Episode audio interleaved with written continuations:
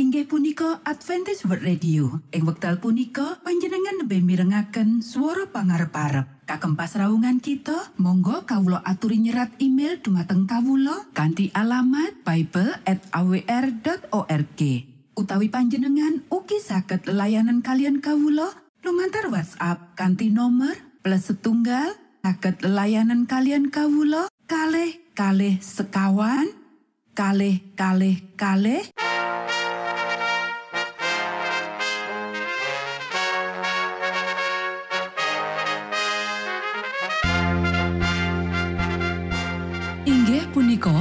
Adventist World Radio ingkang giaran kanti basa Jawi.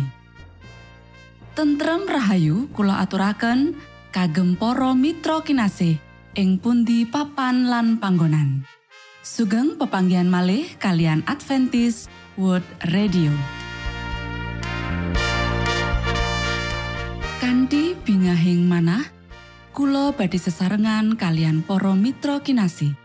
Lumantar saperangan adicara ingkang sampun rinonci. Mligi kagem panjenengan sami. Mugi giaran punika saged migunani tuwin dados berkah kagem kita sedoyo. Sugeng midhangetaken Gusti amberkahi.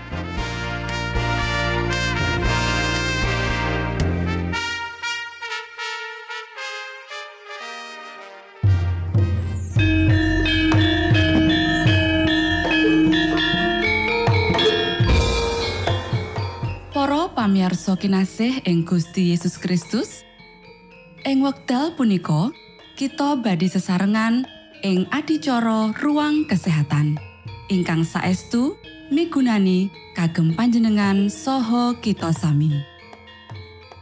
Tips utawi pitedah ingkang dipun aturaken ing program punika tetales dawuhipun Gusti ingkang dipun nyatakaken ing kitab suci. Semanten ugi sakehing seratan ingkang dipun wangsitaken dening Gusti Allah. Nanging saderengipun, monggo kita sami midhangetaken kidung pujian.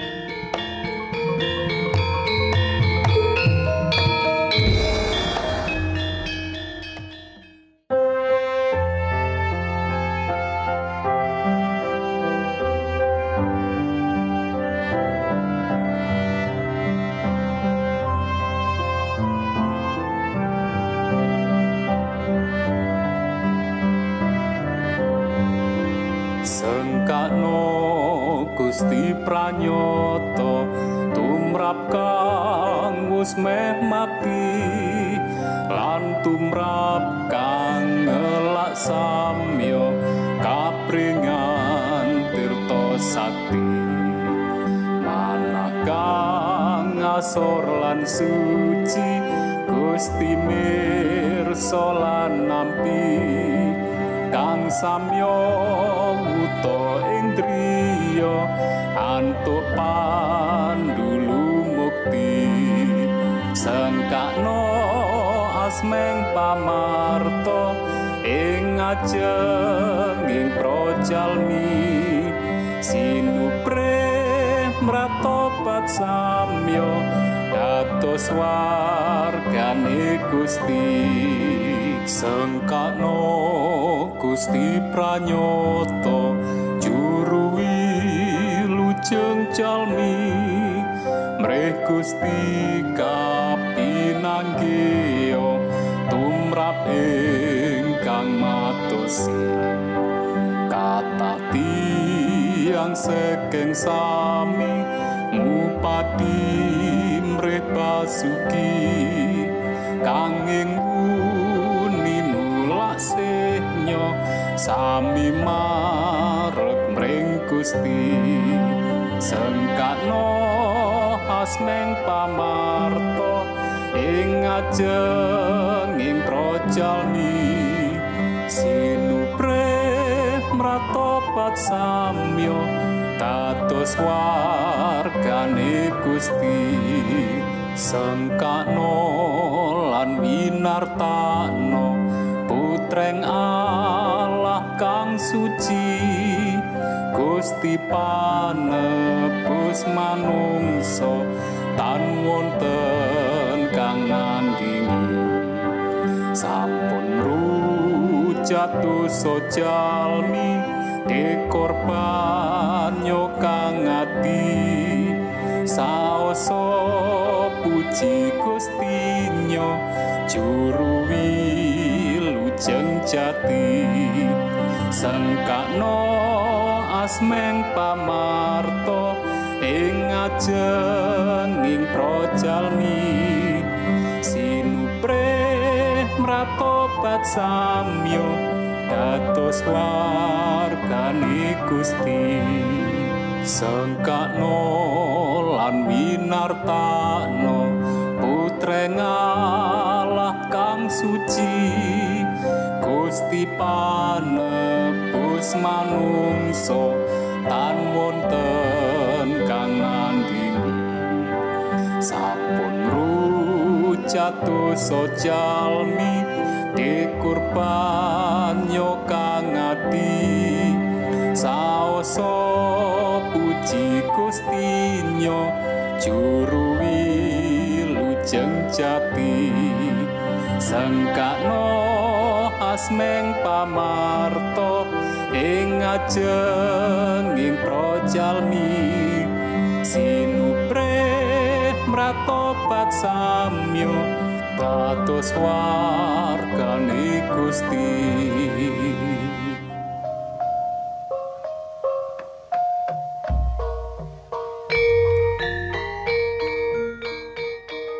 Para Mitra Sutrisno Puji syukur dumateng Gusti ingkang murbeng dumati ingkang sampun kepareng paring wewenngan kagem kita. Satemah saged nglajengaken ruang kesehatan. Pirembakan kita semangke kanthi irah-irahan. Perkara panurutan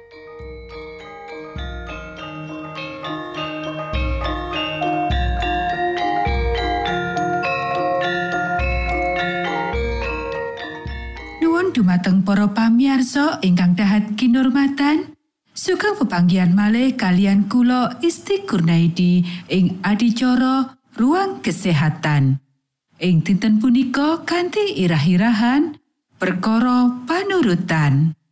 Para sedherek ingkang kinasih, siji sebab ya kene kita ora nikmati luwih akeh berkah Gusti ya iku kita ora ngatekake padang sing diwenehake marang kita kanthi sukarena.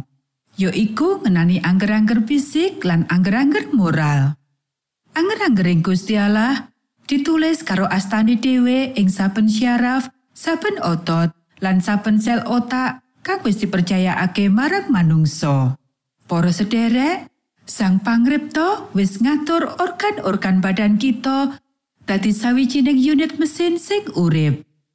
Kanthi kawicaksanan sing tapi-tapi, organ-organ badan didadekake migunani. Gusti Allah janji marang pribadine piyambak kanggo ngopeni mesin badan menungso iku tetep sehat menawa menungso iku gelem miturut angger-anggering Gusti Allah lan makarya bebarengan karo panjenengane. Saben angger-angger sing ngatur mesin badan menungso kudu dianggep bener-bener ilahi sakjroning bab asal usul sifat lan kepentingane kaya sabtaning Gusti Allah. Saben kalirwan, tindakan sembrono utawa penyalahgunaan mekanisme Gusti Allah sing ajaib iku ya iku panerak angger-anggering Gusti Allah.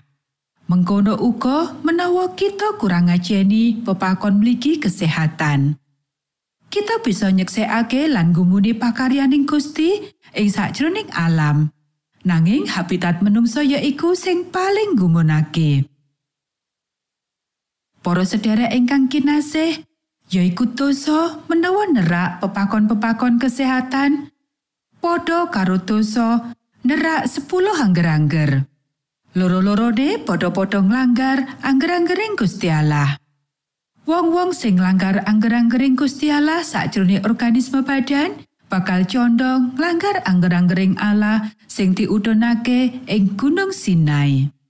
Para sederek, juru wilujeng kita wis maringi amaran marang siswa-siswane menawa sakdurunge karawuhane sing kaping pindho sawijining kahanan bakal muncul padha sing dumati sakdurunge banjir bandang.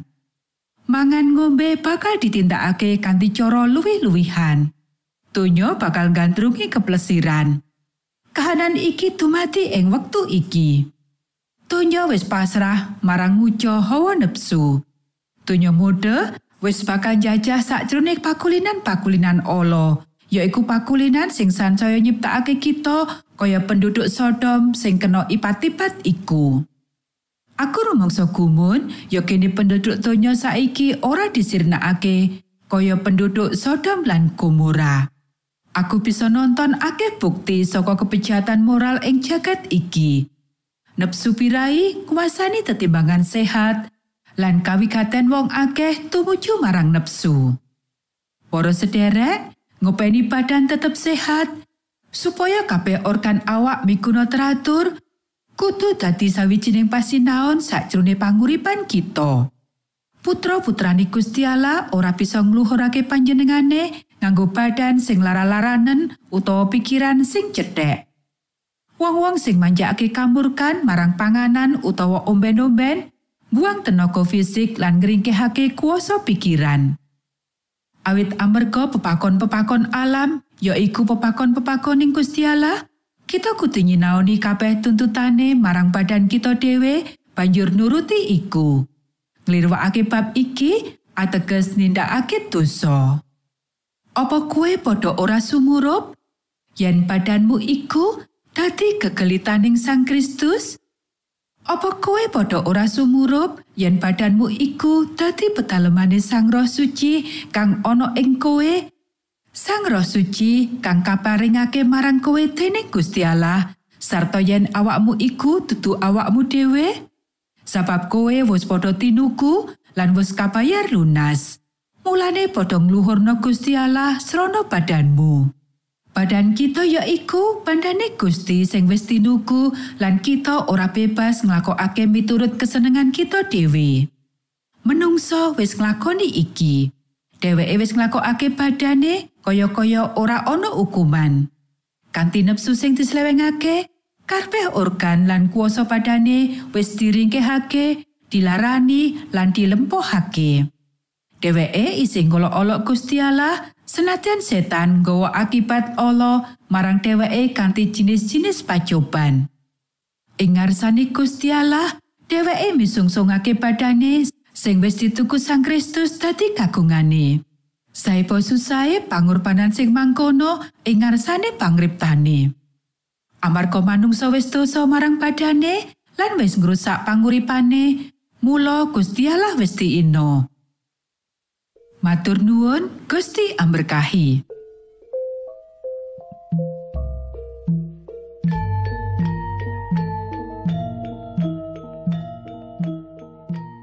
Cekap semanten pimbakan ruang kesehatan ing episode dinten punika. Ugi sampun kuatos jalaran kita badhe pinanggih malih ing episode sak lajengipun.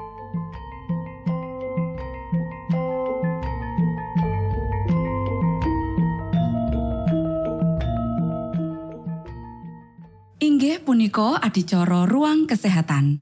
Menawi panjenengan gadah pitakenan, utawi ngersakaken katrangan ingkang langkung, monggo kulo aturi kinton email dateng alamat ejcawr@ gmail.com utawi lumantar WhatsApp kanti nomor 025 pitu 00 songo songo papat 00 pitu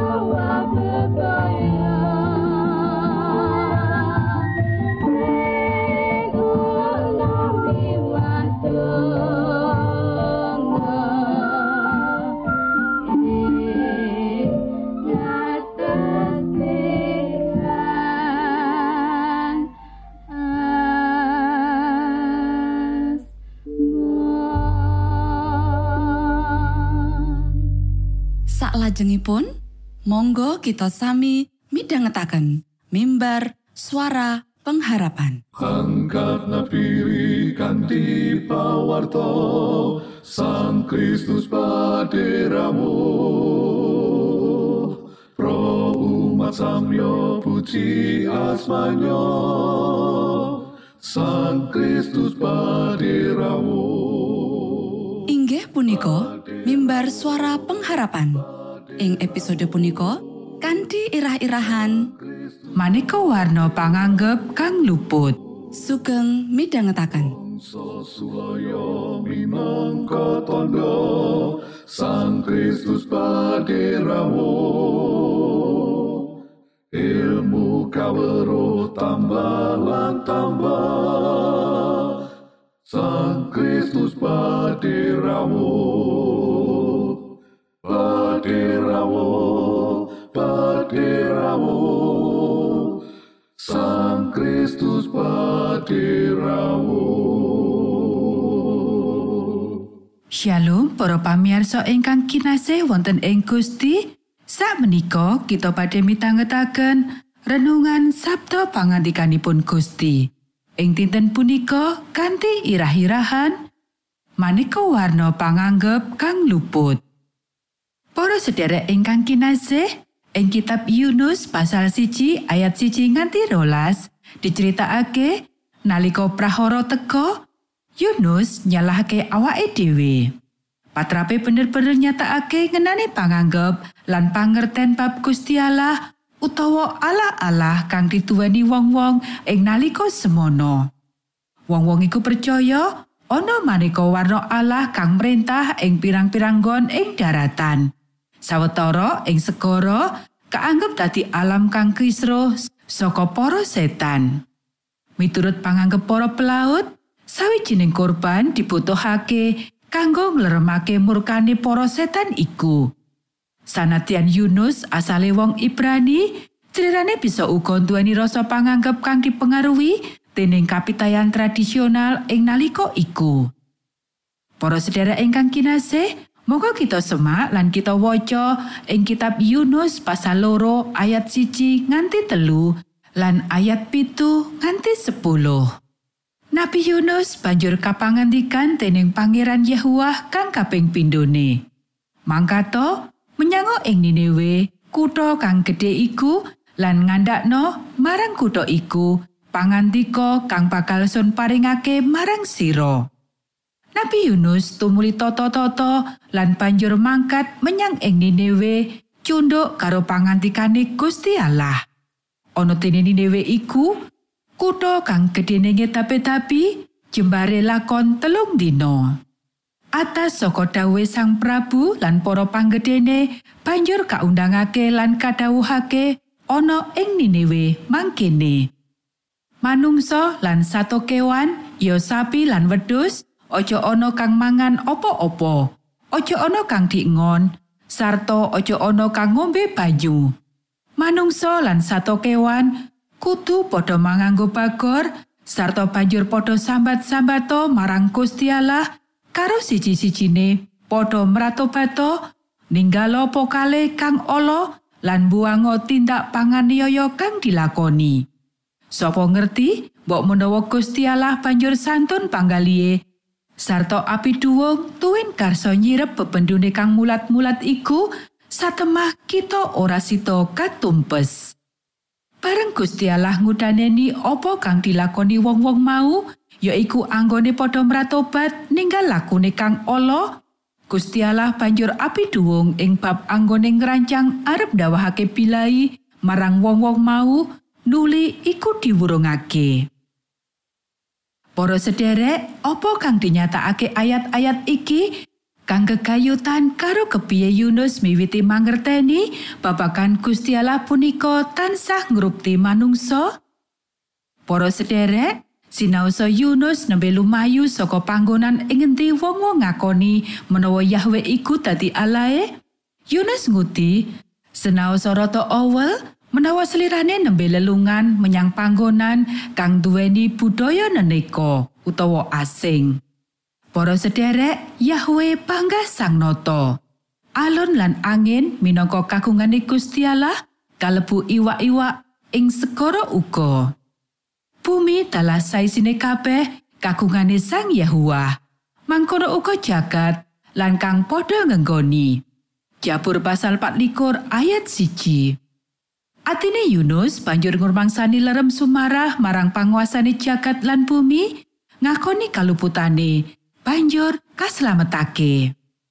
Para sederek, kita uga bisa nduweni pangerten kang luput babagan Gusti Allah lan apa kang dadi kersaning Gusti Allah tumrap kita.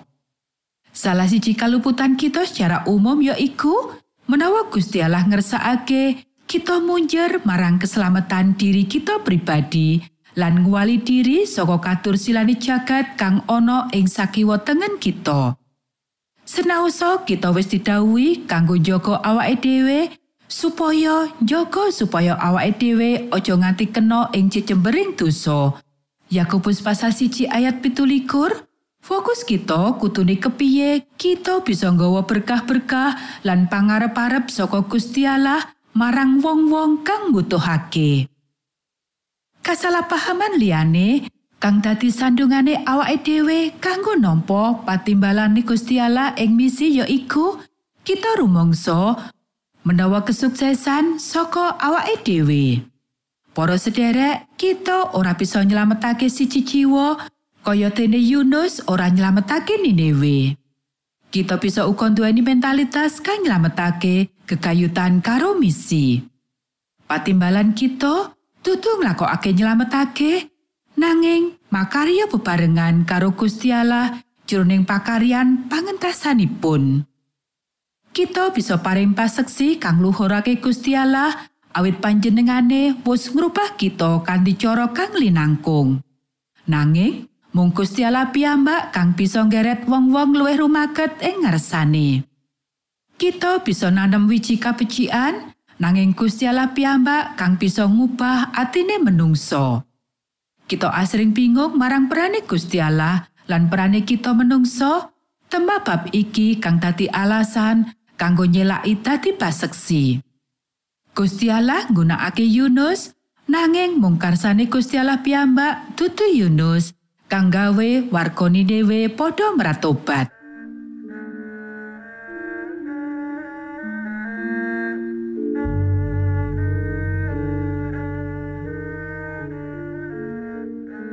Para Mitra Sutrisno pamiarsa kinasih ing Gusti Yesus Kristus. Sampun paripurno pasamuan kita ing dinten punika. Menawi panjenengan gadah pitakenan utawi ngersaakan seri pelajaran Alkitab suara nubuatan Monggo Kulo aturi kinton email dateng alamat ejcawr@ at gmail.com utawi lumantar WhatsApp kanti nomor 025 pitu 00 songo songo papat 00 pitu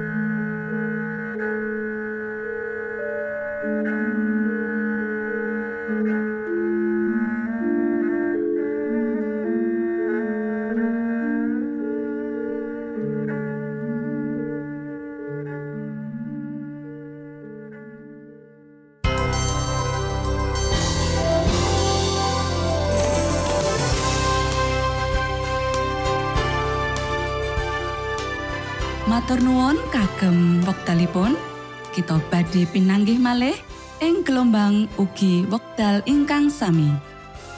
Saking studio kula ngaturaken tentrem rahayu. Gusti amberkahi kita sedaya. Maranata